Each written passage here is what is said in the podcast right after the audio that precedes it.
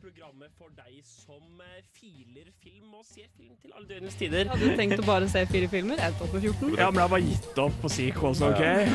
Ikke det Ringenes herre, så ser jeg det. Jeg har stor respekt for Nicolas Cage. Den filmen, den var dårlig. Det er bare å gjøre det. Herregud, jeg er veldig klar over at det showet er skitt. Det er nå TV-ofil. Ha-ha. Du hører på Filmofil på Radio Revolt. Hasta la vista, Ja, baby. Det st her, her, ja. Ja. Vi er Filmofil, og vi er tilbake nok en torsdag. Og i dag skal vi snakke om godeste Joaquin Phoenix i forbindelse med Joker. som- Skuespilleren. Skuespilleren, altså. Ja. Hvem andre kunne jeg ment? Jeg vet ikke, min nabo. Joaquin Joaquin. okay, ja. Vi skal ikke snakke om naboen til Aran, vi skal snakke om skuespilleren Joaquin Phoenix. har du en nabo som heter Joaquin? Jeg, jeg kjenner ingen av naboene mine, så det, er- det er mulig. Hvem vet? Hvem Schrødingers nabo. Spar det Ja. til uillustrert. Med meg i studio så har vi da på teknikk. Gjøran. Vi er også med oss tilbake fra de døde. Henning. Også med oss Mina! Og også tilbake fra de døde. August. Men du er litt mindre tilbake fra de døde enn Henning, da. Men eh, det trenger vi ikke gå inn i dybden på akkurat nå, tenker jeg. jeg tenker vi først skal høre en låt. Vi skal høre uh, Infinite Rider med, av Aiming for Henrike. Vi er tilbake brått og plutselig. Og eh, vi skal snakke litt om eh, hva vi har sett siden sist. Og vi har jo ganske mange i studio i dag, så jeg tror vi bare hopper inn i deg, Mina. Yes. Hva har du sett Oh, wow. siden sist? Jeg har vært sjuk, så jeg har hatt masse skjermtid. Jeg har sett alt av BuzzFeed Unsolved. Supernatural. Det er ikke film, men det er bra underholdning. Jeg har sett hele, nesten alle sesongene av Camp Camp. Det er Rooster Camp Camp. Det er en fantastisk sånn heimlaga TV-serie om uh, noen kids som er på camp. De har ikke lyst til å være på camp, og de har en overengasjert sånn campleder. Det, det er dritgøy. Bare, bare se det. Hvor er det du fant det her? Uh, det får du sett på Rooster Teeth sin nettside, og så får du sett det på YouTube. Men på YouTube så er kun de tre første sesongene. Men Rooster Teeth, har ikke de sånne, lager ikke de sånn Halo-videoer og sånn? Ja, men det de er gamle masse dager? rart. Ok, Så det er ikke bare sånn spillrelaterte Nei, greier? nei, de har okay. så masse rart. Det her ordna med en sommer fordi de kjeda seg, eller et eller annet Yes. sånn. Og det er liksom, det er så fantastisk. Det er kjempegøy. Uh, men jo, jeg har også sett uh, ganske mye um, Breaking Bad. Jeg har en dårlig nyhet å meddele. Jeg begynner å like Skyler. Wow. Det er litt kontroversielt, men Ja. når man ser det på nytt, så får du mer og mer sympati for henne. Absolutt, For hun Ja. er på en måte den eneste gode karakteren i showet. Ja. Jeg skal akkurat se det samme, og det, det eneste de som hater henne, har på henne, er She fucked Ted. Ikke sant? Ja. den ja, greia eller Hurrika, som Trine Ja. sier. Og det, det er forståelig, Hurrika da hun var gravid. Ja, men selvfølgelig. ikke Men bra. altså, Walt gjorde litt verre ting enn det der. Og, Ja, ja. ja spørs hvordan du ser Nei, Det er to forskjellige moralske gråsoner. ja. Hvor langt har du kommet nå, Mina? Eh, Jeg er på episode fire, sesong fire. Wow, du er nesten ferdig. Ja. Eh, oi, oi. Jeg så en hel sesong i forrige uke. Jeg bare logget foran TV-en. skulle si. Og så har jeg fått satt opp prosjektoren min, så nå har jeg hjemme kino. Å, deilig. Å, det er så vakkert. Det blir filmkveld hos deg snart, da. Ja. Når jeg Det får rydda. Alle er invitert til Mina. Mam mamma hører på nå, jeg skal rydde. Hei, mamma. Og trekk fram senga når du støvsuger. sant? Mm. Ja, nei, jeg har eh, Jeg sover på overmadrass oppå hemsen min. Jeg har ikke seng ennå. Men da er det viktig å snu madrassen. Ja. Mm, lufte den litt. Det var dagens tips. Mina rydder rommet, men uh, jeg tror vi går videre til deg, Jaran. Hva har du sett siden sist? Jeg har uh, fått med meg et Netflix-show. Flere Netflix-show, men jeg har lyst til Mm. å gi et lite til The Spy. Som er en Netflix-serie som kom for en drøm måned siden, og som endelig så ferdig for en uke siden. Det er basert på en sann historie om en uh, Mossad-agent under på 60- eller 70-tallet som var undercover i Syria. Og det, og det er en sann historie altså, om uh, Eli Cohen. Du kan google livet hans. Er, han var dypt undercover lenge. Han kom seg inn i liksom, Han fikk en ministerpost i, my- i myndighetene før han ble tatt. Ja, er, Wow. Jeg er en sucker for spionhistorier, og sanne spionhistorier er på en måte helt perfekt. Det er Sasha Baron Cohen i hovedrollen. Han spiller, han spiller kjempegodt, syns jeg. Showet har sine mangler. Budsjettet er litt lavt, produksjonsverdien er ikke helt opp til, eh, på topp, og noe av liksom, skrivingen er litt cheesy. Men for sine feil da, så er historien så utrolig god Mm. at jeg er veldig veldig svak for dette. Jeg så en eh, kort anmeldelse av det her. Eh, Den serien så, så jeg Sasha, Baron Cohen. Kjent som Borat. Ja, Borat. Vi kaller Borat. At Borat spilte den. Wow, han spiller, noe, han spiller noe seriøst, hørtes veldig kult ut. Ja. Og den, den hørtes veldig bra ut, sånn som de forklarte. Og så var jeg på Netflix her om dagen, og da så jeg den. Det plutselig tenkte wow, Netflix. Og den eh, Ja, du tenker at Netflix spionerer på deg? Nei, Nei jeg, vet jeg, altså, jeg, jeg, jeg er sikker på at Netflix promoterer den ganske tungt, fordi jeg tror det blir sett på han som kvalitet til Netflix. Over. Ja, og Er det Baron Cohen er et stort navn. Men Ja, det er kult at han fordi på måte, han spiller jo en fyr som må late som han er en annen fyr, for å koke det veldig veldig ned. Og det er jo på en måte det Sasha Baron Cohen har gjort karriere på. Så, me, jo, så metaen ligger litt tett der. Og jeg tror, jeg tror Hvis det er en fyr som vet hvordan det er å miste seg selv i en annen identitet, da, så er det jo han. Så sånn sett uh, funket det veldig bra for meg, i hvert fall. Mm. Hvor mange sesonger er det? Det er bare én, seks episoder, ferdig. Ah, Eller åtte, jeg husker ikke. Jeg likte det veldig godt. eller åtte, Jaran? Jeg kan ikke telle, jeg går Nei, sesong. da så. Vi skal snakke litt om hva vi andre har sett også, men først skal vi høre So Is It True av Pellicat. Og der var vi tilbake, ja. Vi eh, skal snakke Det kom litt brått på meg. Unnskyld. Eh, vi skal snakke litt mer om hva vi har sett siden sist. Og Henning, hva har Eh, ja. du sett siden sist? Uten restriksjoner på hva jeg kan se, som jeg hadde når jeg var med i Filmofil. Nei, skal ikke si men uh, Sånn som jeg da har- du så liksom Hva var det? Det derre Å, nei. Å, nå glemte jeg hva det het. Det derre TV-showet du så på en, en Filmofil-episode. Å, nå husker jeg ikke hva det heter! Det var skikkelig, skikkelig teit, og det var litt morsomt. Men OK, bare glem det. Du husker det sikkert snart. Jeg husker det sikkert enig. Jeg husker. Jo, har, eh, jeg har, jeg har funnet at Netflix og kanskje Viaplay De begynner å laste opp en del av de klassikerne mine. på en måte Altså Filmer jeg virkelig virkelig, virkelig elsker-. Så jeg hadde ei uke hvor jeg satte meg ned og så igjen filmer som jeg vet at jeg elsker, men ikke har sett på en stund. Så jeg så Blade Runner 2049. Den har jeg ikke sett siden den kom ut på kino. Den var fortsatt veldig god. Jeg så The Big Short. Eh, den har jeg sett for 50 ganger i hvert fall. Og når jeg er ferdig med den, så har jeg lyst til å se den på nytt igjen. Det er med er helt fantastisk. Altså Ryan Gosling i den er perfekt. Mm. Da er det forståelig at du må bare se den om og om igjen. Ja, ikke sant?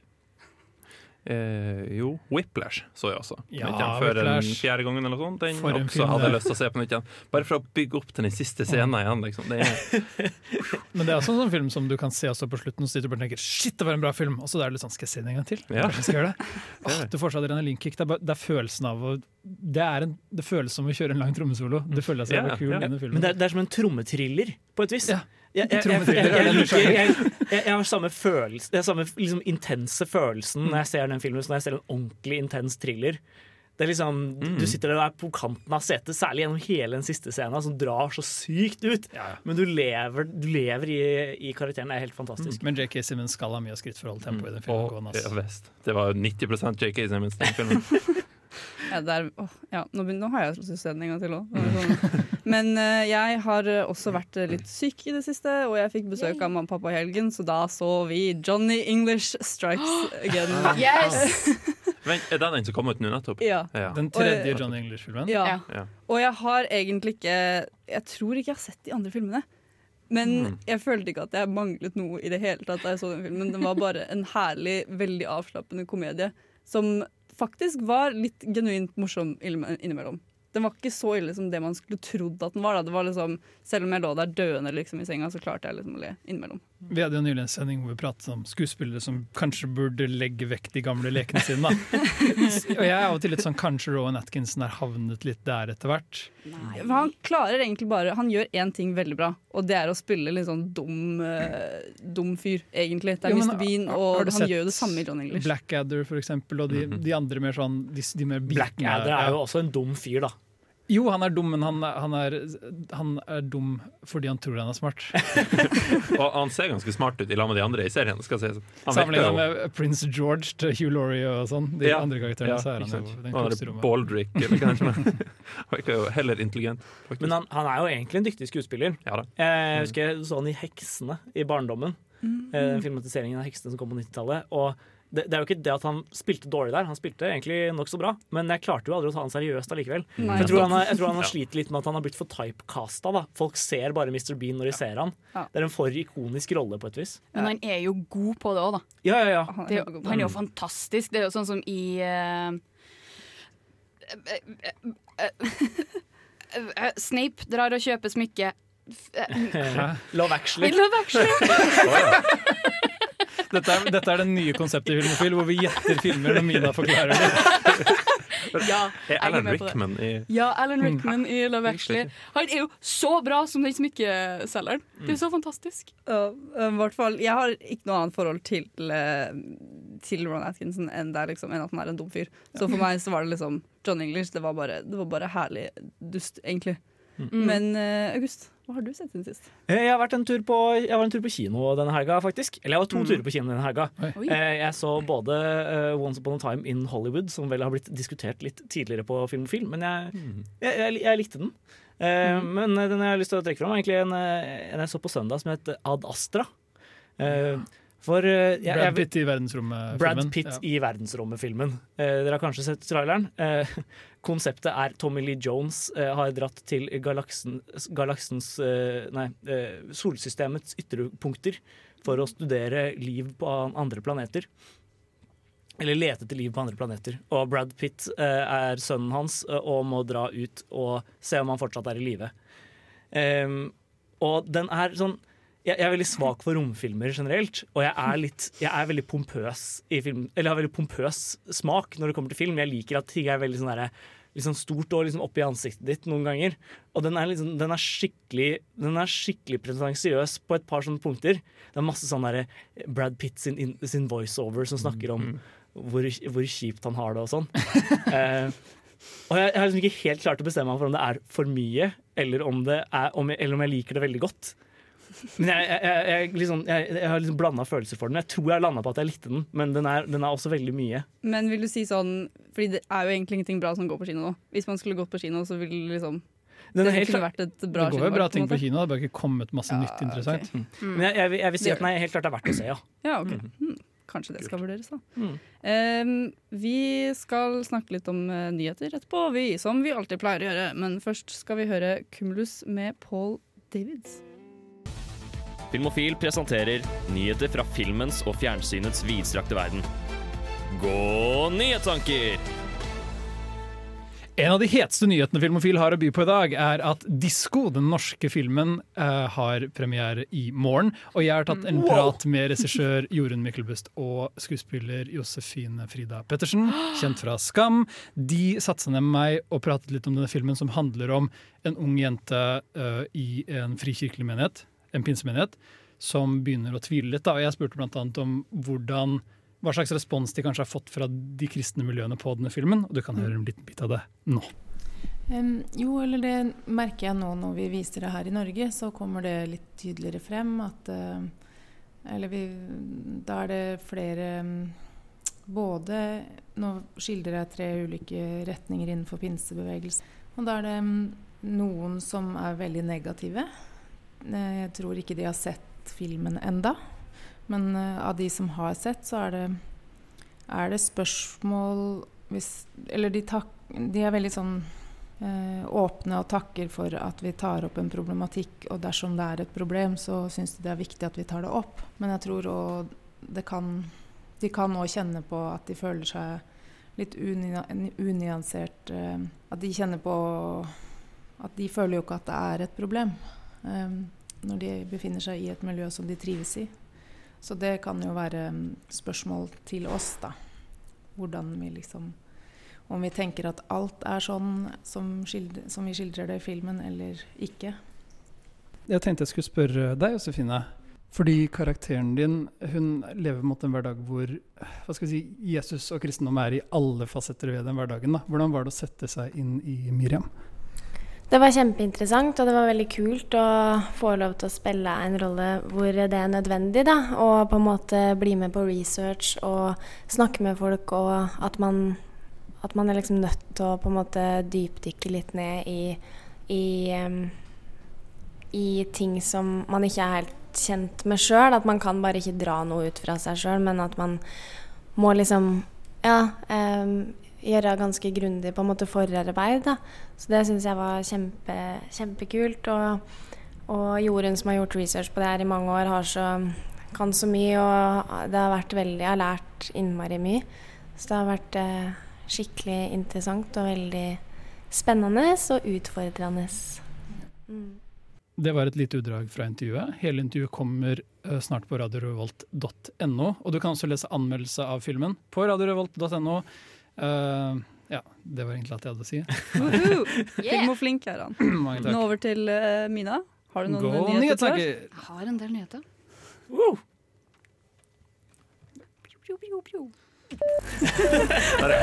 Der, vet du. Jo, for um, Sony og Disney har jo kommet med en gladnyhet. At nå skal jo de endelig få samarbeida. Så da blir det én til Spiderman.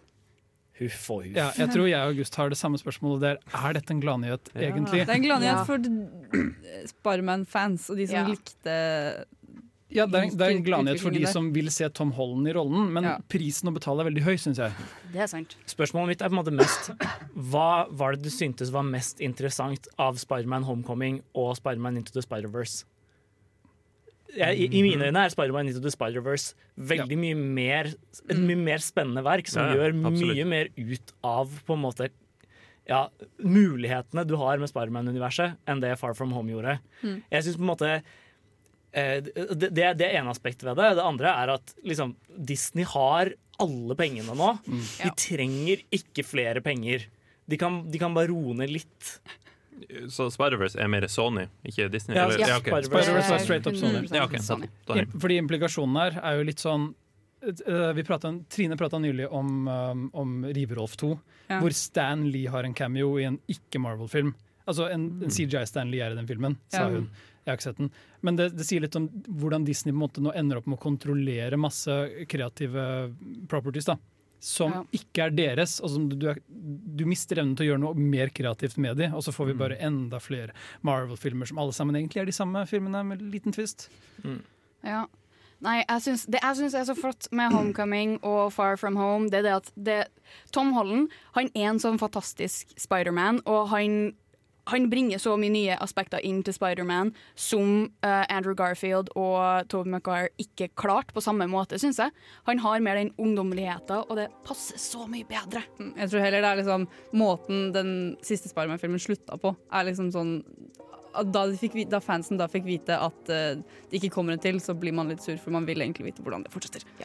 Så, men ja, nok om det. Vi skal snakke litt om flere nyheter etterpå, men først skal vi høre 'Breathe' med Anna Soleil. Hei, det her er Dag Johan Haugerud. Jeg heter Torbjørn Harr. Og jeg heter Yngve Sæther. Jeg heter Jan Gunnar Røise. Og du hører på Filmofil! Hey! Må, må du si det hver gang vi hører den hey, Det er jeg, som- det er jeg som leder inn denne. det med det. Det er ikke på lydopptaket. Nei, nei, det er du som ser. Det skulle, skulle bare mangle. Mina, har du noen flere nyheter til oss? Det har jeg. For vi blir aldri lei av metoo-kampanjen. Og nå, okay. å snakke om uh, The Joker, så har Robert De Niro blitt anklaga Hæ, har det skjedd? ja, for sexist-oppførsel. Og jeg, for jeg var sånn, det jeg skulle si var, Han er jo så gammel at han må jo være impotent snart. Ja. Men da, okay, da er det bare Men det, grov det, bare, oppførsel, ja, ikke det er sexist oppførsel. Det er ikke noe På sett, liksom? Eller? Uh, ja, på, det står eh, på arbeidsplassen, da. Ja, okay. Med 12 millioner dollar uh, lås ut. Så det Ja, mm, han har ikke, han har ikke, han, De har ikke settla det, som det kalles på engelsk. Jeg husker ikke hva det heter på norsk. Um, forliket. De Nei, ikke- ikke ennå. Dette er en ganske ny nyhet, eh, så han har nettopp blitt anklaga for det. Mm. Hvem er det som Um, anklager? Står det noe om Eller kanskje ikke hvem, men i, i, for, i uh, forbindelse Ja. med hva, på en måte? Det er Skal vi se Hans former employee skulle si Graham Chase Robinson. Ah, ja, så er noen som har jobbet for ham, i, ikke, ikke nødvendigvis på en filminnspilling, men Nei. sånn uh, han var visepresident for produksjon og uh, økonomi på eh, Kanal Productions i Ja, 2012. ikke sant. Mm. Så det 12 millioner er mye penger, da. Ja. Når det er snakk om 12 millioner dollar, så er det i hvert fall masse penger. En drøy 100 millioner kroner. Jeg tror ikke han er god for det. Jeg tror ikke Robert Dan, nei, Dan, jeg, tror ikke, jeg tror ikke Robert De Niro, til tross for at De Niro er i navnet hans, så tror jeg ikke han er god for pengene. Oh. Jeg tror Robert Downey jr. er god for 100 millioner Ja, men norske ikke, kroner. ikke De Niro. Nei.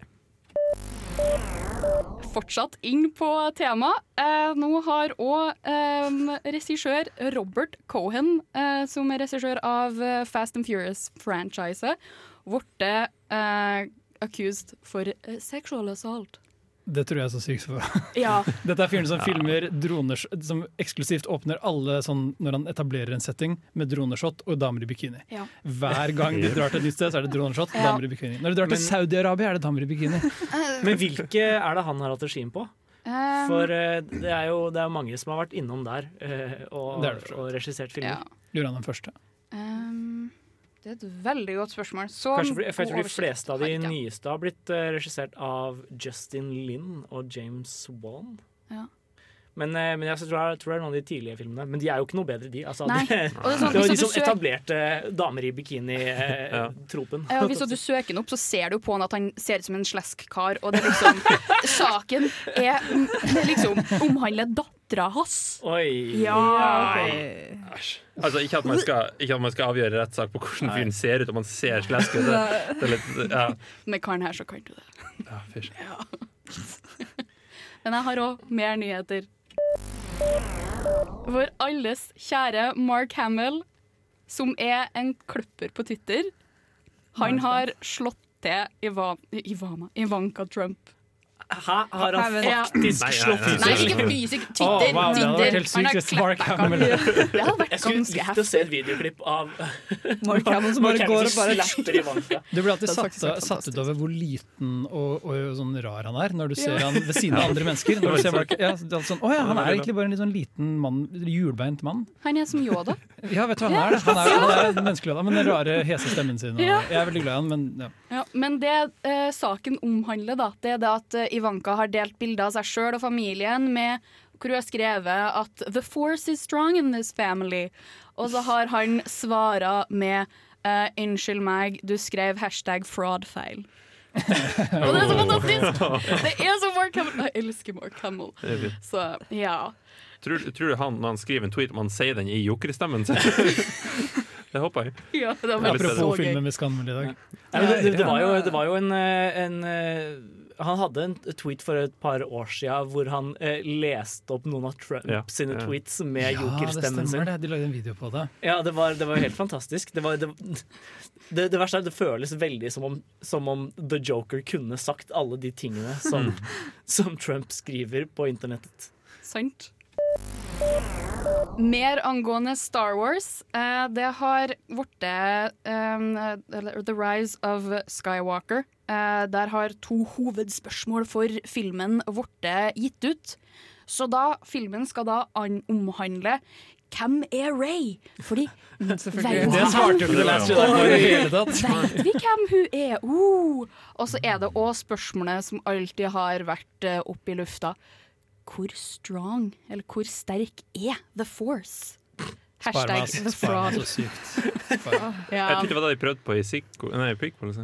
Jo, ja. The Glorians og sånn. Ja, ja. Ja. Men eh, husker du at på en måte, et av de viktigste plottpunktene i Last Jedi var at Ray ikke er Mm. noen. Hun er ikke Ja. viktig. Mm. Og det var noe av det beste ved filmen. på en måte Det er i hvert fall noe det jeg likte best. Og nå er det sånn Nei, det, ah, det funka ikke, så Vi tar det ja, tar det tilbake. Det verste er at det er liksom, man hører så mye sånn teit om Star Wars i det siste, men jeg vet at jeg kommer til å ende opp med å se den. Fordi det, Star Wars er noe man bare man Det, det er bare noe jeg ser på kino, fordi det, er Star Wars. Ja, ikke Ja. sant? Det er nettopp det. Glem it, sier jeg. Ja, vi skal uh, gå videre til temadelen vår hvert øyeblikk, men først skal vi gjøre 911 av Lill Halima og Kanto. Da var vi her igjen. Du hører fortsatt på Filmofil på Radio Revolt. Og nå skal vi begynne å snakke om selveste Joaquin Phoenix. Og jeg har anmeldt Joker, som har vært en film jeg personlig har gledet meg til å se. Mm. Jeg visste at jeg kom til å se den på kino en gang. Og jeg vet ikke helt hva jeg forventet, men det var ikke det jeg forventet. Det var ikke det? Nei, det var ikke det. Og så hadde jeg ikke sett så mye på Jeg sier ikke anmeldelsen heller, men det er det sånn Joaquin Phoenix han, han har gått full on Christian Bale i denne rollen her. Og det er skikkelig å, Det er så sykelig å se på, for han er kjempetynn. Og man vet at det ikke er ikke, Det er han. Og, nei, uff. Gikk han ikke ned sånn 25 kilo? Sånn gikk ned mye, jeg vet ikke, jeg tror jeg så et intervju, så ville han ikke si hvor mye han gikk ned. Yes. Ja, så det, det, var, det var noe. Men jeg tror vi bare spiller anmeldelsen nå. Joker er den nyeste tilføyningen til DC-universet, og den er regissert av samme fyren bak filmer som The Hangover og Due Date, nemlig Todd Phillips. Og man skulle kanskje ikke trodd at dette var oppskriften på suksess, men Joker er en helt fantastisk dyster og ny skildring av karakteren vi allerede kjenner fra Batman-universet, og med en helt utrolig sterk Joaquin Phoenix i hovedrollen. My mother always tells me to smile and put on a happy face. She told me I had a purpose to bring laughter and joy to the world.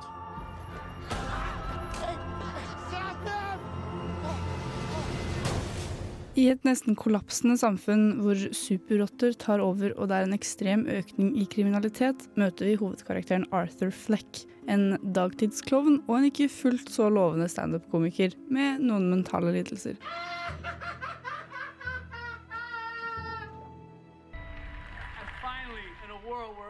Thinks they could do my job, check out this guy. When I was a little boy and told people I was going to be a comedian, everyone laughed at me. Well, no one's laughing now.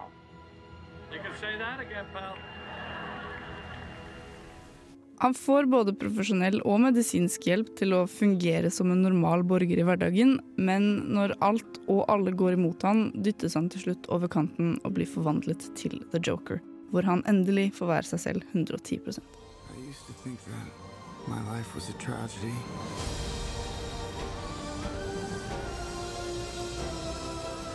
But now I realize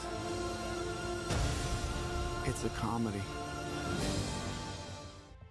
Man skulle kanskje trodd at det å oppleve overgangen fra Arthur til Joker skulle være noe man gledet seg til å se, eller i hvert fall syntes var interessant med denne filmen. Men jeg hadde det egentlig bare ganske fælt da jeg så den.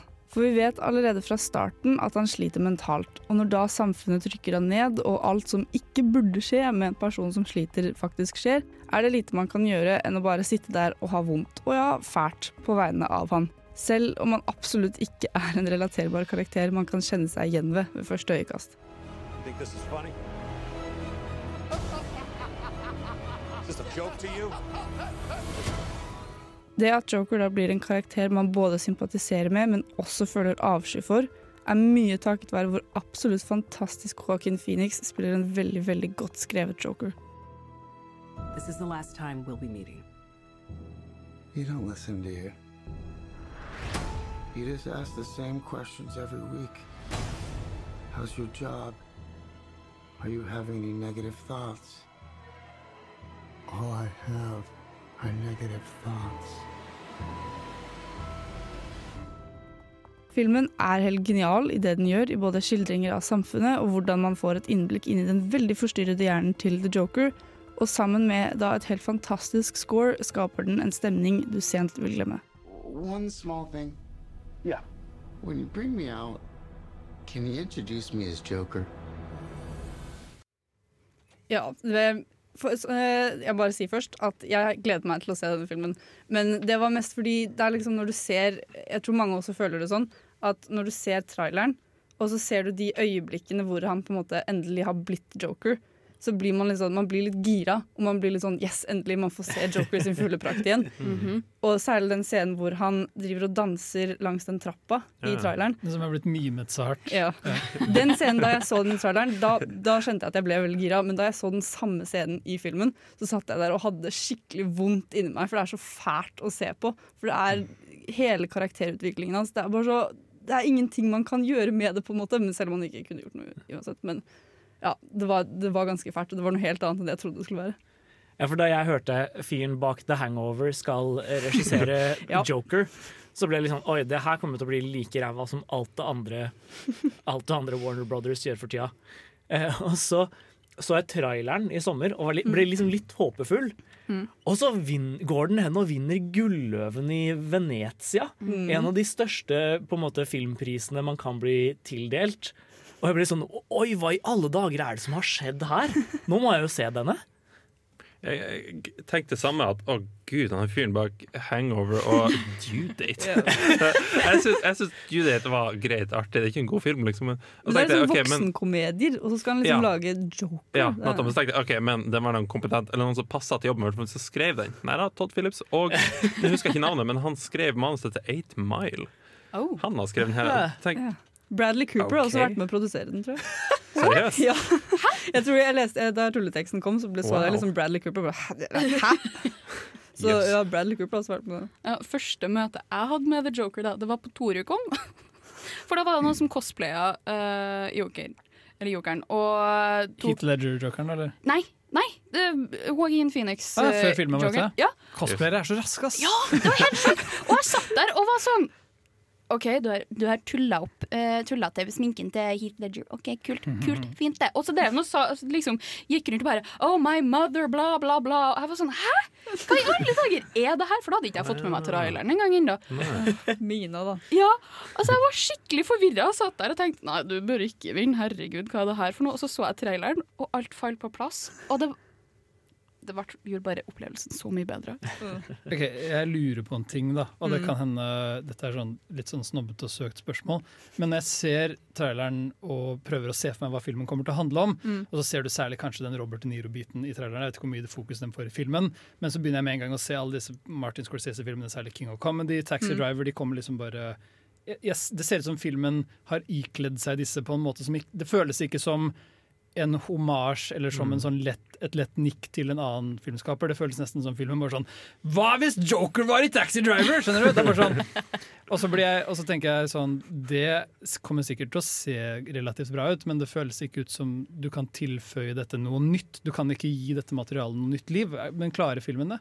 Nei, det er mer, jeg har ikke sett uh, Taxi Driver, da, men jeg har lest litt opp på det. Og det er, den henter veldig mye inspirasjon fra, fra Taxi Driver. Det er veldig mye likt der. Men ifølge i hvert fall Filmpolitiet så mener de at den klarer å stå allikevel på veldig egne ben.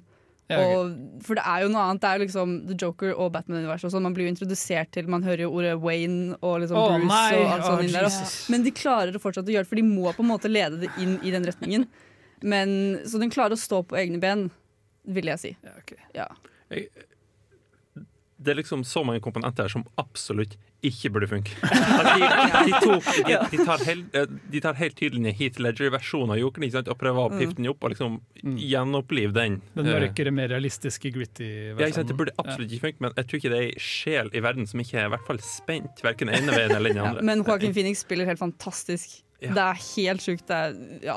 Og det tror jeg er nøkkelen til den. Og så at han har gått full Christian Bale, gjorde, da, da ble jeg litt satt ut etter det. Så klarte jeg ikke helt å fokusere på annet. Men vi skal snakke mer om godeste Joaquin Phoenix, men først skal vi høre So Fly av Fie. Det var en spenstig låt av Fie. Fie? Fie? Fie? Fie? Fie. Fie. F-I-E-H, Ikke Fie, altså. Ja. Men eh, vi skal snakke litt om eh, Joaquin Phoenix, apropos. eh, vi skal snakke litt om Apropos Joaquin lyden. Phoenix. Men, og han er jo en skuespiller, og vi har jo på en måte alle et slags forhold til han. Men er det noen som har et spesielt forhold til denne fyren, denne skuespilleren? Det trenger ikke være sånn veldig personlig, bare mer sånn Når Jeg prøver å huske Jeg tror 'Gladiatoren' var første gang jeg så ham, f.eks. Mm. Og da, Mm. da, da husket jeg liksom ikke helt Jeg var ikke var på ham før senere, og da var det mer sånn 'Å, det er han fra! Det er han! Ja!' Mm. Og så plutselig så begynner du å legge merke til at han er litt overalt. Ja. ja, for det det var litt det jeg merka òg når jeg begynte å bli interessert i film. Liksom, så så jeg, jeg opp han og tenkte hæ, god skuespiller. Mm. Jeg husker ikke hvilken film jeg, jeg så han i hvor jeg begynte å lete han opp, men i hvert fall når jeg lette han opp, så oi, faen, gladiatoren. Men da var den der øyenskyggen. det var det som gjorde det. Det, det er et eller annet med utseendet i den filmen der som får han til å virke så hundre ganger mer usympatisk. så jeg likte han mye bedre i andre filmer da, av sminken. Ja, nei, Jeg så han jo for første gang i Gladiatoren på videregående, Mm. og da tenkte jeg å herlighet, for en kjekk kar! Med den bollesveisen og det. Nei, Han er fantastisk. Han er jo en kjekk kar. Jo, han er jo det, han er en fantastisk skuespiller, men han er jo fantastisk kjekk. Jeg, Eller slit, hvert jeg slites litt der, for av og til ser jeg på Joaquin og tenker sånn Oi, for en mann! Mm, høy og tynn og mørk. Og, men noen ganger ser jeg på sånn Hva er det som er galt med ansiktet hans? Han, han, han, han vipper fram og tilbake mellom å være egentlig ganske sexy og liksom sånn, en fyr jeg liker godt, både estetisk og som skuespiller. Jeg liker han alltid som skuespiller, men av og til så ser jeg på og tenker sånn Nå, nå så det ikke så bra ut. Har du lagt merke til for at enkelte bilder hvor han har ansiktet litt vippa opp, og da ser du at ene neseboret sånn, kanskje noen Hvordan halv er det centimeter til én centimeter. Men vi så på The Master, Mina og jeg, for et par dager siden, og det var det Mina fokuserte på. Fokuserte på Bare nesa sånn, hans. Ja, det, var det er sånn liten fun fact. Ene neseboret hans er litt sånn lenger ned enn andre. Det er fun fact, da. ja. men Jeg, jeg, jeg, jeg syns han er en, en av de skuespillerne som på en måte alltid ser litt sånn som alltid ser ut som han har det ordentlig vondt på innsida. Han er, eh, det er noen skuespillere som har den evnen til å på en måte alltid bare se ut som de Det er noen som ser ut som de alltid er i en viss sinns, sinnsstemning. Altså, uh, Willem Defoe ser alltid ut som han er litt slem. på in, på in, altså, alltid som han har litt no, noe, vondt, noe vondt i hjertet. Mm. Mens, uh, mens uh, Joaquin Phoenix han ser alltid veldig melankolsk ut. Men jeg lurer på om han kanskje ikke er det. På ekte. Han har jo Jeg vet ikke om han har hatt verdens vanskeligste liv, men han kommer fra et sted som jeg tror uh, kan bli litt sårt. Med Mm. tanke på Familien hans var jo med i denne religiøse sekten som de måtte rømme fra når han var relativt ung. Ja, og han har jo en død bror som definitivt preger uh, Han er broren til River Phoenix, som vi pratet om. Han er veganer. Det, det, ja, det er veldig Det er masse å si. deprimerende. En tragedie.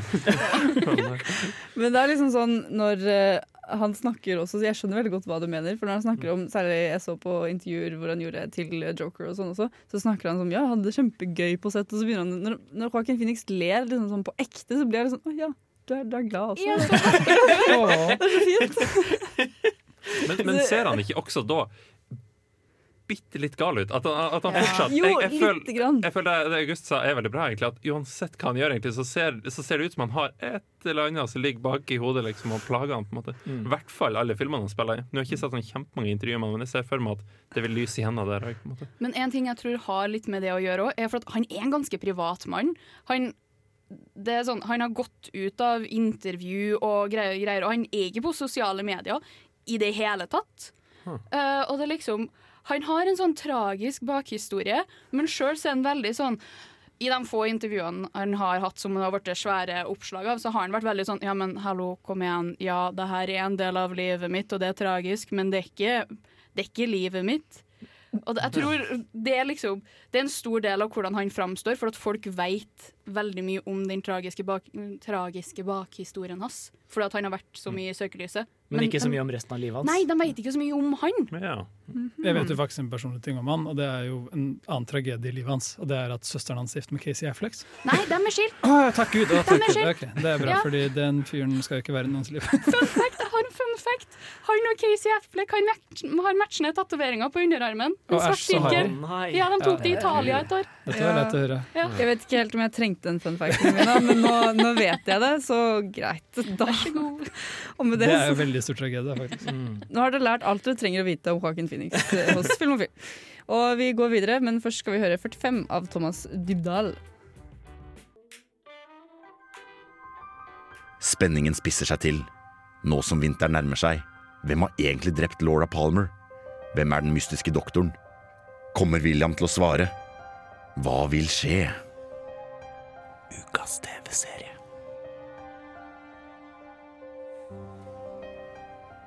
Ukas TV-serie tenker du kanskje nå hm, hvorfor det? Men eh, det er en grunn til at vi valgte å ha ukas TV-serie her. Fordi det er godeste Joaquin Phoenix. Han startet jo egentlig som barneskuespiller i noen TV-serier, gjorde han ikke, Aron? Han gjorde det. Du kan på en måte velge og vrake litt. Så jeg synes det var gøy at vi tok ukas TV-serie, fordi uh, for å knytte dette opp til forrige ukes sending, så Mm. var han annet i Alfred Hitchcock Presents, uh, nyinnspillingen på 80-tallet. Han var i Murder She Wrote, eller Jessica Fletcher, som det er bedre kjent her i, uh, i Norge. Eh, men vi kan jo Den aller første rollen hans, den var 1982. Sammen med hans nest I hvert fall på den tiden mer kjente bror, River Phoenix. De, eh, Jeg vet ikke om det blir vel Phoenix sin første rolle, men det var på en liten TV-serie på NBC. liksom. Det var veldig smått. Men hele den Mm. familien Jeg vet ikke om de var en kunstnerfamilie, men de tok, de tok jo selv etternavnet Phoenix. Ja, det virker liksom sånn på å- fornavn nå, da. Joaquin og River og Ja. hva heter søsteren? Summer eller noe sånt? Det må Ja, nevnes at han Rain. ja, Det føles litt som bohemaktig over, det hele, over hele greia, men det må også nevnes at han da gikk under kunstnernavnet sitt, sitt eget valgte navn, Leaf Phoenix. uh, hans fulle navn er vel Joaquin eh, Rafael Felix. Ja, Rafael Felix, der har du det. JR, som jeg i dag kaller han. Ja. Mm. når vi henger sammen. Hei, JR! Han kaller deg Jabe. Han er sånn Hva gjør du i huset mitt? Intruder! Kom deg ut herfra. Jeg ringer politiet, kaller han meg ofte. Calling the cops! Jeg bare, okay. ok. JR, du, du, må si, du må si kallenavnet mitt, JR. Du glemte- å si kallenavnet. For for et patetisk liv jeg har. Men, eh, altså, så, det var veldig mange artige TV-serier som dukker opp som bare sånn når du ser over på en måte hans IMDb-side og hans tidlige karriere før han hadde sine store gjennombrudd, så dukker det opp så mange sånne eh, Hill Street Blues, som kanskje er litt glemt nå, men kanskje enda viktigere, Superboy. Eh, ja da. Oi, oi, oi. Eh, superhelter, altså Han har vært i et superheltshow før eh, han var involvert med Han spilte, han spilte ikke Superboy, da. Eh, det var det noen Nei. annen kar som gjorde. Men han hadde en rolle i den serien en liten periode. Da superheltadaptasjoner var noe helt, helt annet. Det er en eh, æra man kanskje ikke er nostalgisk for. Jeg vet ikke. Jeg, jeg vet ikke, har du sett det gamle Hulken-TV-show, f.eks. Det har en viss sjarm. Jeg husker bare den der Supermann-TV-serien som pleide å gå på sånn TV Norge og sånn eh, etter skoletid. På, sånn i barndommen. Det var han tenåringen. Husker ikke. Han Ja, sånn Smallville! Smallville! Ja. Er, eller er det ikke det Jeg husker ikke. Jo. Jo, det kan godt hende. Det Det er Smallville du tenker på, ja. Jo, Ja. det gikk på TV. For det var på en måte, ja. Men nok om, nok om eh, moderne superhelter og mer om eh, Som sagt, Alfred Hitchcock Present. Han, han var vel, som jeg tror Mina nevnte det, at eh, på en måte, nesten hele familien hadde samme agent. Så det var nok en fyr som var flink på å søke ut med å gi disse unge barna en del roller. Ja, og så var de jo også veldig Da de kom flyttende eh, til California, så var de veldig De opptrådde, de var med i musikaler, de var veldig sånn Hei, wow! Det er litt sånn Jackson 5-opplegg, nesten. Oh, wow. jeg De hvite, de hvite langt. Jackson 5? Uff da. Ja. Det er et brandnavn som Phoenix ingen må Oi! Jeg tar et skritt bak. Nei. Så vi har ingen konkret TV-serie i dag, var egentlig poenget mitt. Nei. Men eh, det var en god nok grunn til å kalle det Ukas Det er TV-serie. litt morsomt. Det er alltid gøy å ha med den uh, jinglen. Så egentlig det var det bare en liten prank, da. Men Ja. eh, en gøy prank. Fordi det tok jo Det vi kan nevne, er jo at uh, på en måte før han i det hele tatt uh, Jacken rakk å slå gjennom For han, han var egentlig bare i TV-serier helt opp til 86. uh, egentlig helt opp til 95, før han fikk noen ordentlige filmroller. Mm. Og da um, Så det vil jo si at før han ja. Selv da var det jo ikke store filmroller, på en måte. Men allerede da hadde jo broren hans, River, Ja. rukket å bli veldig kjent, og også rukket å havne på kjøret. Eh, Jeg husker ikke helt hvilket år det var han, han døde i. Nei. Det var vel tidlig på 90-tallet. Ja, det var Ja, 92 eller noe får jeg på øret her fra 93? 93, Kan, jeg, kan jeg informere? Det var Så poenget er på en måte før, eh, før karrieren hans i det hele tatt hadde rukket å ta ordentlig, så hadde Mm. det allerede skjedd et veldig tragisk dødsfall som hadde gjort Phoenix-navnet veldig kjent. da. Ja. Eh, Jeg vet ikke om det hjalp han noe særlig i karrieren hans, men uh, Ja, ja. Vi skal i hvert fall snakke litt mer om uh, Joaquin Phoenix, men først skal vi høre mer av eh, Hanne Kolstø. Her er vi nok en gang, og eh, vi er kommet godt i gang med Joaquin, Joaquin Phoenix. er vi godt i gang i vårt Fragleberg? Ha, ha, ha, Vær så ha. god. Men nei, nei vi Likevel en lang ja. Men vi skulle prate litt om Vi skal snakke om Joaquin Phoenix. Ja. og Hvorfor sendte ikke- du oss til Flagreberg? Stopp! Nå, fordi han spiller ikke bare sånne små, rare TV-serier. Han hadde jo et gjennombrudd på et eller annet tidspunkt. Yes. Og Mina, hva Det var i det gode år 2000. Vår Herres år. Ja, Vår Herrens år 2000, hvor han da hadde hele tre eh, verk som han eh, tok del i, da. Eh, og det var da eh, serien Nei, det var tre filmer, mener jeg. Det var The Yard, Quills og filmen Gladiator. Og en av disse har på en måte holdt seg blitt mer uh, En av de har vi hørt om. Ja, og det er da uh, Gladiatoren, uh, som da òg vant pris for beste film, mener jeg. Hvor han spilte uh, Commodus. Commodus. Noe av det som er interessant der, er at uh, som vi nevnte tidligere, de fleste husker liksom har sett han der. Og Mm. jeg tror mange bet seg merke i han, men det å, å ha en rolle som du på en måte slår litt gjennom med som skurk, da, Ja. eller som uh, ja, antagonisten i en film, er veldig interessant, synes jeg. Det er jo ofte en rolle som lar deg vise fram ganske mye av uh, ganske stor bredde. Og det er jo en kunst å spille ordentlig troverdige bad guys. Vi burde kanskje si litt om hva filmen handler om òg, da, sånn Ja. før vi går i gang for alvor. Ja. eh, filmen tar for seg eh, en, eh, en general i den romerske hæren spilt av Russell Crowe. Maximus uh, ja. Som får beskjed av den døende Eller av den, aldrende kongen. Mm. Eller uh, keiseren. Mm. Marcus, eh, Marcus Aurelius. At uh, nei, sønnen min er ikke skikka til å ta over tronen. Dette er da Commodus, som er spilt av eh, Joaquin Phoenix, denne sønnen. Eh, og eh, Maximus eh, blir bedt om å ta på seg rollen i stedet for. Og Commodus responderer jo på dette ved å, ved å drepe sin far. Ja, han takler og- det veldig dårlig. Han er takler det ganske dårlig. Eh, Relativt dårlig. og de prøver å drepe Russell Crowe også, men plot twist, han slipper unna og blir gladiator. Eh, og, og Hevner seg til slutt, da. hevner seg. Det er en lang prosess dit. Ja. Men eh, altså, jeg har et veldig liksom, nært forhold til denne filmen personlig. Jeg husker jeg satt og så på den på liksom, Viasat 4 en kveld jeg var hjemme alene på ungdomsskolen. Men jeg bet meg noen skikkelig merke ved den. Det var en av de filmene som, som jeg så og plutselig var sånn Shit, film er kanskje noe for meg.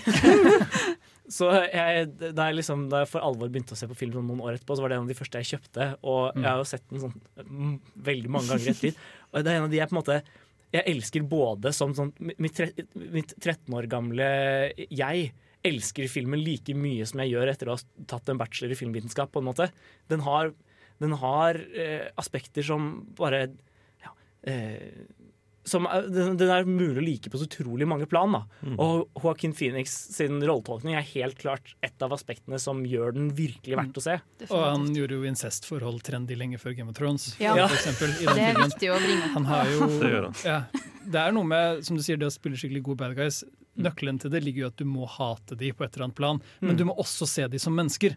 Og, og, og være skikkelig fascinert av de. Ja, Og det syns jeg han mestrer helt fantastisk i Gladiatoren. For det er jo veldig forståelig det med at hvis at Se for deg om at du har, er sønn eller datter av en uh, kar i, som er leder for en stor korporasjon, og så sier han det at Fy faen, du er ikke skikka. Du er så dritt at du får ikke lov, selv om at du Mens er du løper rundt og peller deg i nesa Ja. og vil ligge med alle som er Ja, ikke sant? Du er, du er en dårlig person, men du tar det jo fortsatt ille opp. Så det er jo sånn For å kverulere oss er det jo forståelig reaksjon. ass.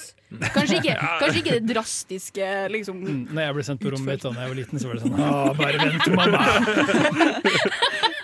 Jeg kom deg i pute en dag, skal du se. Ja. Nei, men jeg, jeg tror noe av det, det du Det du snakker om at å spille en skikkelig god bad guy, er det vi prater om. At du ser noe i han. Altså at, at han ser virkelig plaga ut.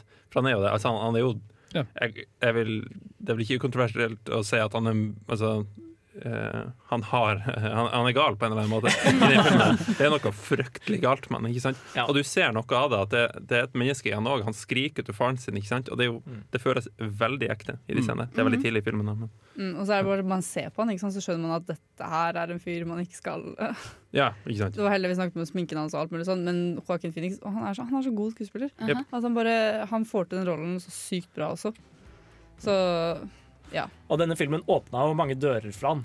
Det gjorde den altså. Du ser jo på en måte filmkarrieren hans har en litt annen karakter etter at han hadde Ja. vært med i Gladiator Mm. og liksom fått Oscar-bøss rundt seg og sånn. Og det er veldig heldig for han at han ikke ble typecasta. Uh, er på en Mm. måte det, en av tingene her som er som med tanke på hvor, hvor karrieren hans gikk. da.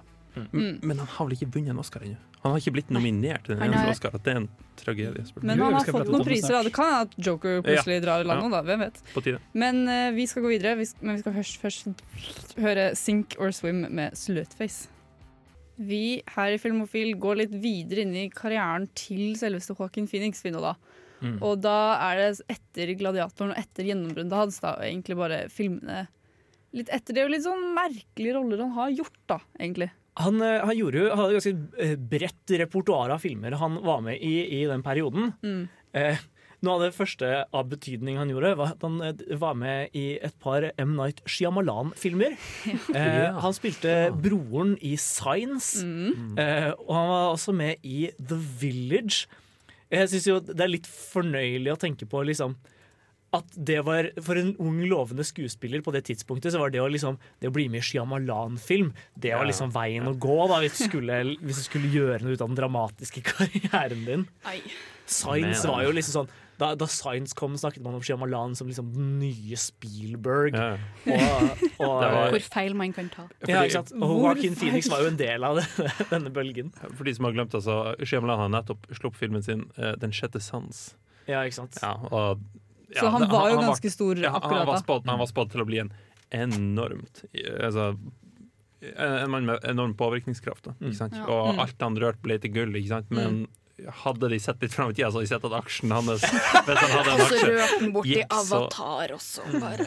Men det kan jo Nei, Shyamalan lagde Ja. Men det kan nevnes at Ja, det eh, Phoenix hoppet av akkurat når Shyamalan-toget sporet av. da Ja, det Han var med i The Village, og så idet Shyamalan var sånn Kanskje jeg skal lage film om trær som får folk til å ta selvmord? Så var Phoenix sånn Jeg har noe annet å gjøre nå. Ja. Og noe av det han gjorde da, var liksom ja, La oss prøve voice acting. Han var stemmen til Kenai i Min bror Bjørn. Yes! Den så er- fantastisk. Den glemte Disney-klassikeren, for den er, på, den er ikke så verst. eh, Den er ganske bra.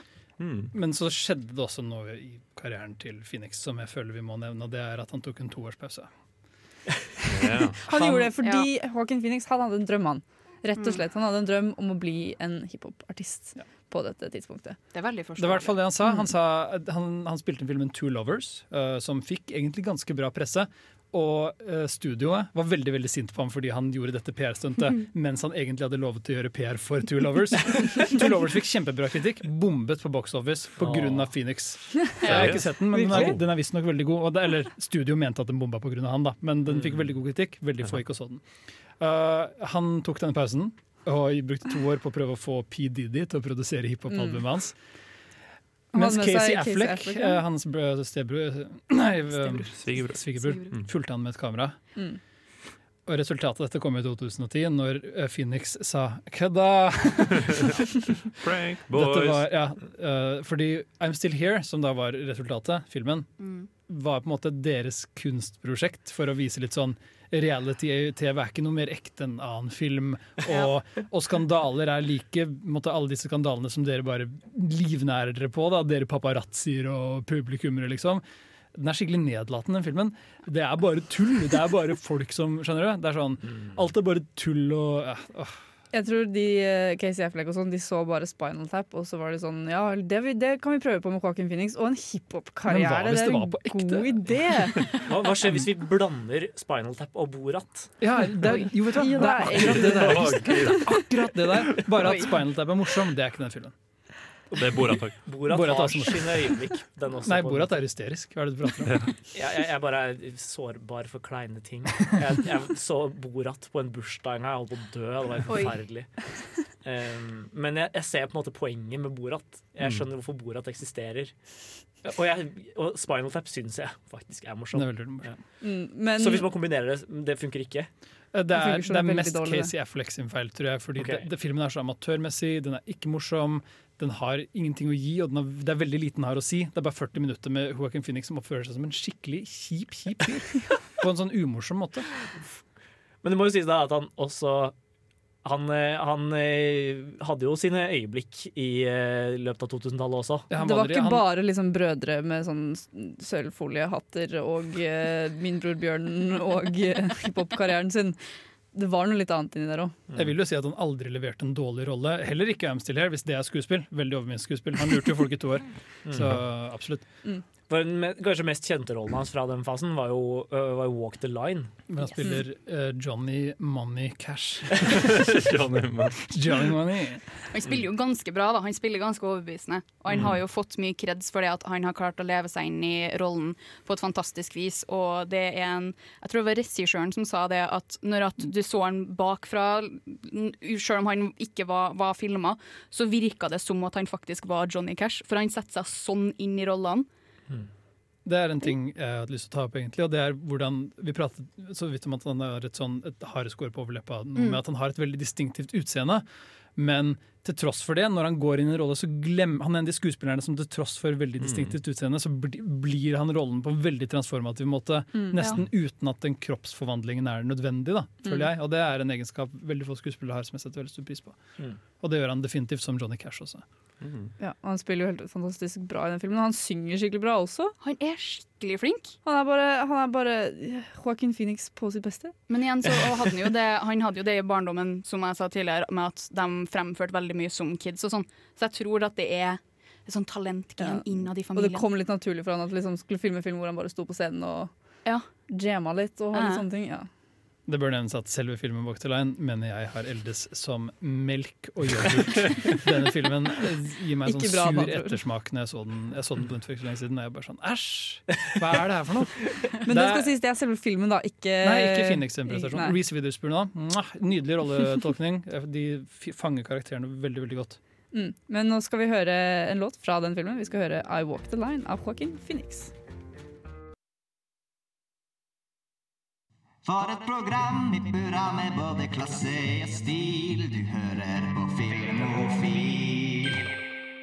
Wihoo og August har forberedt en topp tre-liste til oss. Eh, topp tre Topp to, topp tre! En dag, ass. Neste gang blir jeg med. Jeg visste ikke hva det var. Ikke jeg heller. Det er andre gangen jeg hører det her, og jeg er like forvirra hver gang. Ja, det tror jeg vi er også. veldig. Jeg prøver å gjøre det til en ting. Ja, det, det, det. Det gjør du. Eh, I hvert fall, vi snakka jo i Eller før, før vi hørte uh, Walk the Line og M83 etterpå, Mm. så snakket vi om at eh, Joaquin Phoenix hadde litt sånn pause rundt 2010 fordi han drev med denne eh, I'm Still Here-filmen som var litt klein. Får over skyten at jeg hater den filmen? Det, det, Tror du fikk greit, fram det ganske godt. Ja, det. Eh, men etter det har han jo hatt en veldig livlig karriere igjen. For eksempel i 2013 så var han med i filmen Her. Ja. Eh, som han, hvor han blir forelska i et dataprogram spilt av Scarlett Johansson. Ja. Eh, så jeg tenkte jeg skulle la, lage en eh, Jeg, jeg har laget en topp tre-liste til dere som er eh, topp tre forhold mellom menneske og maskin. Oi. Og jeg har prøvd prøvd å, gjøre, lista litt variert. eh, at det ikke bare er samme type forhold i alle filmene. Mhm. så, så hvis det er noen dere savner, så er det kanskje derfor. Men i alle fall, på tredjeplass så gikk jeg for, for filmen Moon. Og forholdet mellom Sam Bell og, uh, og datamaskina Gertie. Uh, som stemmen til Kevin Spacey. Ja, som har stemmen til Kevin Det er en veldig deilig stemme. Det er, det er Jeg syns det. det. Jeg synes Kevin Spacey Mm. også. OK. Eh, men eh, ja, det, det er i hvert fall en veldig sjarmerende film. Eh, og et, en veldig sjarmerende datamaskin. Det- På andreplass så satte jeg eh, forholdet mellom Major og The Puppet Master i Ghost in the Shell. Eh, Det er eh, ganske spesielt. Hvordan versjon har Ghost in the Shell? Eh, Spør- 1995 Ja, ja. anime-versjonen. Eh, det er ikke, ikke like velfungerende i, i Men for, for tematisk å ha fått tenke sammen, burde du valgt Scarjo-versjonen, siden vi prater Ja, om Her. ja, for all del. Eh, og på førsteplass så satte jeg eh, forholdet mellom eh, John Connor og T800 i Terminator 2. Jeg så den komme. Jeg så den komme. Men hvordan er det du liksom har rangert disse? Er det i forhold til hvordan du Hvilket forhold du liker best? Eh, hvilke forhold mellom menneske og maskin som, som treffer meg hardest, og også hvilke jeg syns er mest interessante, kanskje. Ja, okay. eh, jeg syns det første er et interessant tilfelle av en sånn nokså enkel eh, AI som ender opp med å eh, bli snill. Ja. Og det er så det er så sjarmerende Eller på en måte sjarmerende vennskap som oppstår mellom de to. For han, han bor jo alene på månen immun, og har på en måte ingen andre å prate med. Nei. Så han ender opp med å liksom bli veldig god venn med denne AI-en. Og så til slutt så viser AI-en sånn tegn på at den har blitt venn tilbake. Og det er Ja. veldig, det er veldig skjønt, bare. Når uh, hva er det kalt den, Gertie Mm. på en måte jobber veldig hardt for å redde livet til Hovedpersonen. Ja, Som vi ikke vet om er den opprinnelige klonen eller den opprinnelige utgaven. Uh, Ja, Det, er jo en, det er jo en forvirrende film. I, i så forstand. Men, den, eh, men forholdet til den datamaskinen er i veldig søtt. Eh, I Major uh, i Ghost in the Shell er mest fordi jeg syns det er veldig Altså den, den stiller veldig grunnleggende spørsmål liksom, i en verden hvor eh, det ikke er den fysiske kroppen din som definerer på en måte, identiteten din, hva er, hva er du da? Hva er egentlig sjelen din? Eh, De snakker om det, the, ghost som blir implantert i på en måte mekaniske eh, Eller i, inn i på en måte Mekaniske skjell. Mekaniske Ja. kropper. Eh, og filmen handler jo eller, og, og det ender med en slags sånn det er vanskelig å si akkurat hva som skjer, men det viser seg i hvert fall at det finnes et dataprogram som har fått mer eller mindre menneskelige eh, egenskaper, og disse bestemmer seg for å på en måte dele kropp. Det er veldig, det er veldig fascinerende eh, forholdet mellom hovedpersonen og dette dataprogrammet som oppstår. Eh, og ja, filmen er veldig, stiller mange filosofiske spørsmål. Jeg syns den er veldig fascinerende. En film, Jeg husker ikke hva den heter, men det handler om en kar som bor alene i skogen. Hvor det, øh, han har en sånn AI-dame som Du prøver å snakker om drepe eksmaken, da. Ja, Ja, ja. stemmer. Den, den, var, den var nærme. Ja, mm. for det syns jeg er et fantastisk forhold. Den nye leken hvor vi, hvor vi gjetter filmer du beskriver, den, jeg liker den så godt. Takk. Det andre Men i dag. asiatiske dama, er det hun og han slavemesteren, eller? Fordi det er forholdet, i hvert fall. Ja, nei, det er jo ganske fuck. Dette Ja, pratet det vi er- om uh, tidligere uh, på våren, faktisk. Om Ja, begge, en, både Her eh, og eksmakene. Men jeg jeg vil kjapt føye til på slutten at uh, det forholdet mellom T-800 og John Connor er kanskje liksom det aller, aller mest sånn rørende forholdet mellom Ja. en robot og et menneske på film noensinne. Så bare se jo- Terminator 2. Bare, bare, bare det. Vi forlater dere med det, og så skal vi gå videre til litt mer Joaquin Phoenix. Litt mer relatert til Joaquin Phoenix, Litt mer direkte relatert. Ja, men først skal vi høre All The Things We Forgot av Moika. Vi ga dere en liten hjemlekse forrige uke, nemlig The Master, hvor The Master himself, Joaquin Phoenix, holdt jeg på å si, spiller.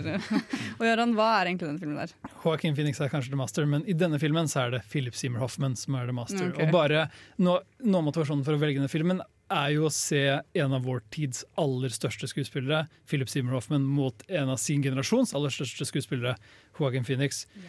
De to er måte store nok i seg selv til at det er en interessant nok grunn til å se filmen. Da, som mange andre gode roller. Amy Adams er med i den, spiller veldig bra.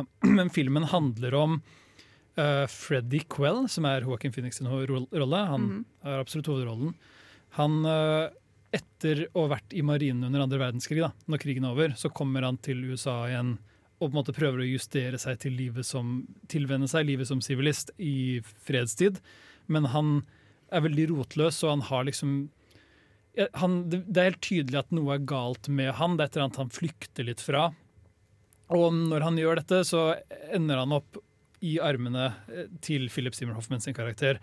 eh, som tilfeldigvis er i et prosjekt med å grunnlegge en slags scientologikirke. Eller noe som helt åpenbart er scientologikirken, men de har kalt det noe annet. De kaller det The Cause Yes. denne filmen. Eh, film, og det, forholdet mellom de da er egentlig fokuset til resten av filmen. Eh, det handler veldig lite om religionen, og veldig mye om eh, forholdet sånn Philip Seymour Hoffman nærmest manipulerer og misbruker uh, Joaquin Phoenix sin karakter, men han trenger det så desperat Ja. i, stor, løpet av store deler av filmen. Den handler jo i stor grad om på en måte hvorfor folk, eller hvorfor folk søker seg til den typen karismatiske sektledere i utgangspunktet. Mm. Fordi ja, han er på et sted i livet hvor han, bare, hvor han har det vanskelig og finner plutselig et sted hvor noen er villig til å ta seg av han. Da. Ja. Og dette er, den andre grunnen til at vi valgte akkurat denne filmen, er jo at det på en måte er Det, det viser virkelig Joaquin Phoenix på sitt beste på Ja. mange måter. da Jeg vil påstå at det er en av hans aller beste roller. I hvert Ja. fall for meg Mm. personlig. Så den, den snakker veldig mye, mye til meg, den karakteren. Kanskje mer enn den gjør til mange andre. Men uh, jeg, jeg ser sårbarheten, og jeg ser sinnet og frustrasjonen. Og også på en måte denne rotløsheten utrolig godt. Alt dette kommer fram, men det er aldri en lang monolog hvor han må fortelle hva han føler. Du bare Mm. ser det. Paul Thomas Anderson regisserer filmen. Mm. Han bruker masse tid på close-ups. Veldig velkonstruerte close-ups av, ansiktet til uh, både Phoenix og Hoffman spesielt. Da. Og du kan se så mye foregå der, bare gjennom hvordan filmen kommuniserer med deg. Sånne lange, lange dialogscener. Mm. Som egentlig ikke har noe konkret form eller innhold. Nei, det, Nei. Det, er ikke som at det bringer historien videre, men det bringer drama videre, på et Ja. vis. Uh, den er fascinerende. Jeg tror det, Hvis det hadde vært noen andre skuespillere, uansett om de hadde vært like gode, så hadde ikke filmen vært på samme nivå. Fordi selve plottet til filmen syns jeg er veldig dårlig. Jeg synes ikke, det, det går ingen vei. Det er, en, det er en film med så masse innhold, men samtidig så har den ikke noe innhold. Den går ingen vei, samtidig som at den flyter veldig bra. Og jeg tror for min del så er det kun Joaquin og Hoffmann som gjør filmen bra. Egentlig. Og, og måten uh, shotsa er strukturert på, selvfølgelig, for det er jo vakker cinematografi. En av våre andre sånn, gjester som er på rotasjon her inne av og til, Vegard, uh, så jo filmen med oss. Og Han hadde en kritikk til filmen jeg aldri har tenkt på før. For for meg så er karakterene så rike og levende, men han sa sånn de ender jo opp på samme sted som de var der vi møtte de. Ja. Og for så vidt er det sant. De er, de er veldig statiske karakterer. Jeg syns allikevel de er utrolig fascinerende. Uh, så The Master er kanskje ikke for alle. Nei. Det er en litt tung film. Det blir litt som hvis Cloud du- Atlas. hvis du liker- oh, nei, Nei, det er ikke det- foregår Jeg vil ikke sammenligne det det Men du må på en måte like greia til Paul Thomas Anderson i utgangspunktet for at du skal være med på den, tror jeg. Jo, men det er lettere å se Punch Drunk Love eller Boogie Nights da, enn The Master. Ja, så se den hvis du ikke se den hvis du liksom har bare lyst til å kjede, du kjeder deg bare lyst til å se en film, med andre ord. okay, ja. Vi skal snakke litt mer om Joaquin, men vi skal først høre Same Street av Igge. Ja. Det, ja. Det, helt riktig, Henning. Men uh, vi snakker om Joaquin Phoenix, og en ting jeg syns er litt interessant med han, var fordi jeg har, ikke, eh, jeg har mest forhold til Joaquin Phoenix i nyere tid. Der jeg har mer lagt merke til at han er en skuespiller uh, i de siste, i de siste årene, da, kanskje. Og en ting jeg la meg spesielt merke til, er at han er veldig god på å spille en type person, og det er egentlig bare tapere i samfunnet. Bare folk som har det ganske kjipt. Og folk som enten om de er alkoholikere eller liksom eh, stoffmisbrukere. Han er skikkelig flink på akkurat det. Følte du den samme energien når du så han i The Joker? Også? Ja. ja Han, han, han er jo en taper i Joker også, på en måte. Arthur Fleck, som karakteren hans heter i Joker, han er jo ikke akkurat uh, toppen av samfunnet, for å si det sånn. Han er ikke, han er ikke på topp, nei.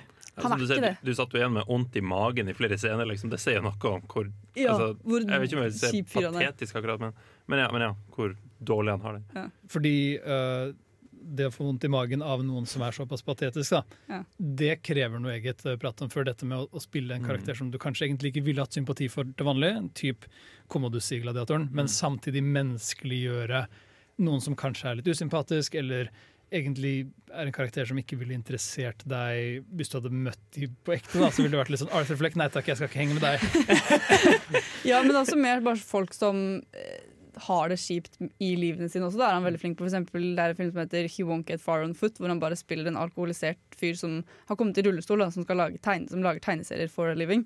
Og så har han kommet ganske ned på kjøret fordi han kom i denne rullestolen fordi han var i ulykken. Og han, han spiller så sykt bra i den rollen. Jeg elsker Eller filmen er skikkelig presentiv. Den er helt forferdelig Det er jo en i skyene. Gus Van Sant-film. Ja, det er helt krise hvor eh, rar den er. Men Joaquin Phoenix spiller altså så bra som en taper i Mm. den filmen der. Men han har jo uttalt seg om det i intervju at um, han personlig han setter seg inn i rollene sine, men han, han leser Eller han leser selvfølgelig manus, for han, en måte må han jo kunne linesa sine, men han pugger ikke på samme måte som andre skuespillere gjør. Og så si, har han sagt at han spiller, man spiller seg sjøl.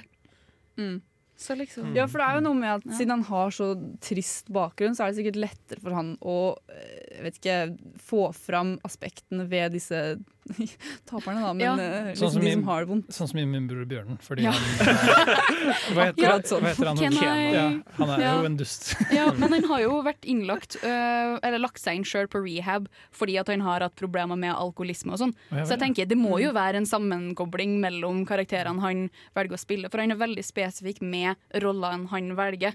Mm. Og det er jo det som er greia med liksom, Han har hatt lyst til å spille en superhero-rolle så lenge. Eller vært sånn Han har comic- det? Ja, han har hatt kjempelyst til å spille en comic Um, Helt siden Superboy ja, jeg tror det er der det kommer fra. Sånn barne... Traumas. ordentlig superhelter. Er Ja. Character arken til Joaquin Phoenix. Nei, men for å ta det liksom tilbake til der vi begynte, så tror jeg også på en måte, hans evne til å, til å uh, spille tapere kommer litt fra bare måten han ser ut på.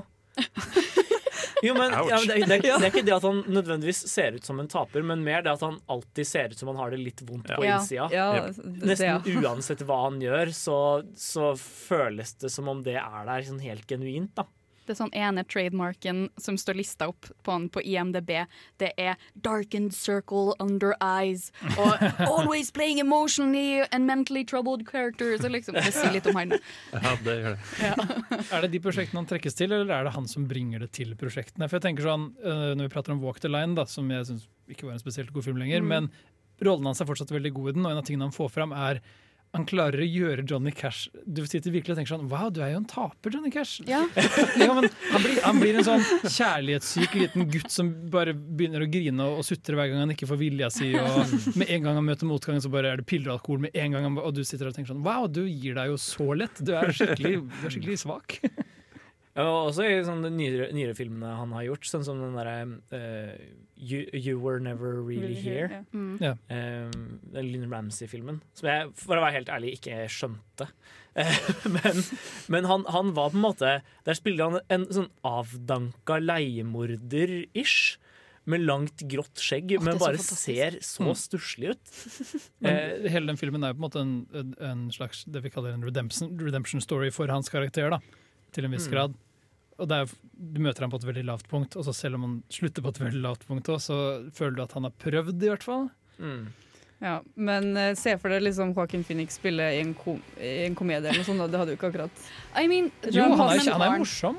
Ja, Ja. men jeg, jeg klarer ikke helt å se for meg at han spiller godt i for en sånn Ja, en Todd Phillips-film som ikke er Joker, liksom. The Hangover 4. Ja. Han, synes han passer i de taperrollene, syns jeg. Som skal Mm. holde seg til det. Bare så lenge han ikke blir gal av det, eller et eller annet sånt noe. Men uh, vi er dessverre ferdig her i Film og Film. Vi skal ta et siste farvel etterpå. Men først skal vi høre Sofaboy med Delta Sleep.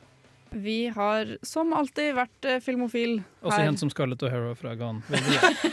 Du, jeg var ikke med på den sendingen, og hver gang du sier det, så blir det Det er viktig å holde internvitsene i live, føler jeg. greit, da. Men uh, vi har i hvert fall vært uh, filmofil, eller uh, Scarlett Scarlett O'Hara. O'Hara. Fra Ja. Gone mm. Greit nok. Uh, vi har snakket om godeste Joaquin Phoenix, og neste uke skal vi snakke litt om eh, Jeg liker å kalle det Halacia, men det er ja, litt mer Når Asia møter Hollywood. Ja, egentlig. Når Litt mer finere, finere ord på den. I anledning hvilken film filmdag, Jenny? Hvilken I film kommer på kino? Eh, Nei, i hvilken film som kommer på kino? Enter the Dragon kommer ikke på kino. Det er, det er hjemmeleksa til neste uke, men det kommer Gem Gemini Man med Will, Med Will Smith. Yeah. Regisserte Ang Lee, Yeah. mannen kjent for Life of Pi og Hulken.